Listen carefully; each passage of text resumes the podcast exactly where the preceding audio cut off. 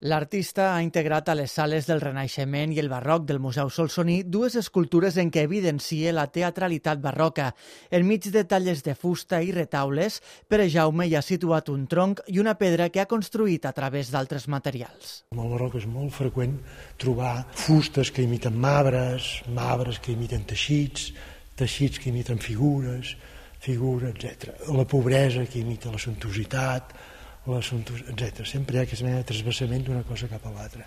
És una mena de, de ganivet que mira de fer evidents tots aquests trànsits. L'artista proposa una reflexió sobre els vincles entre els mons mineral, botànic i humà.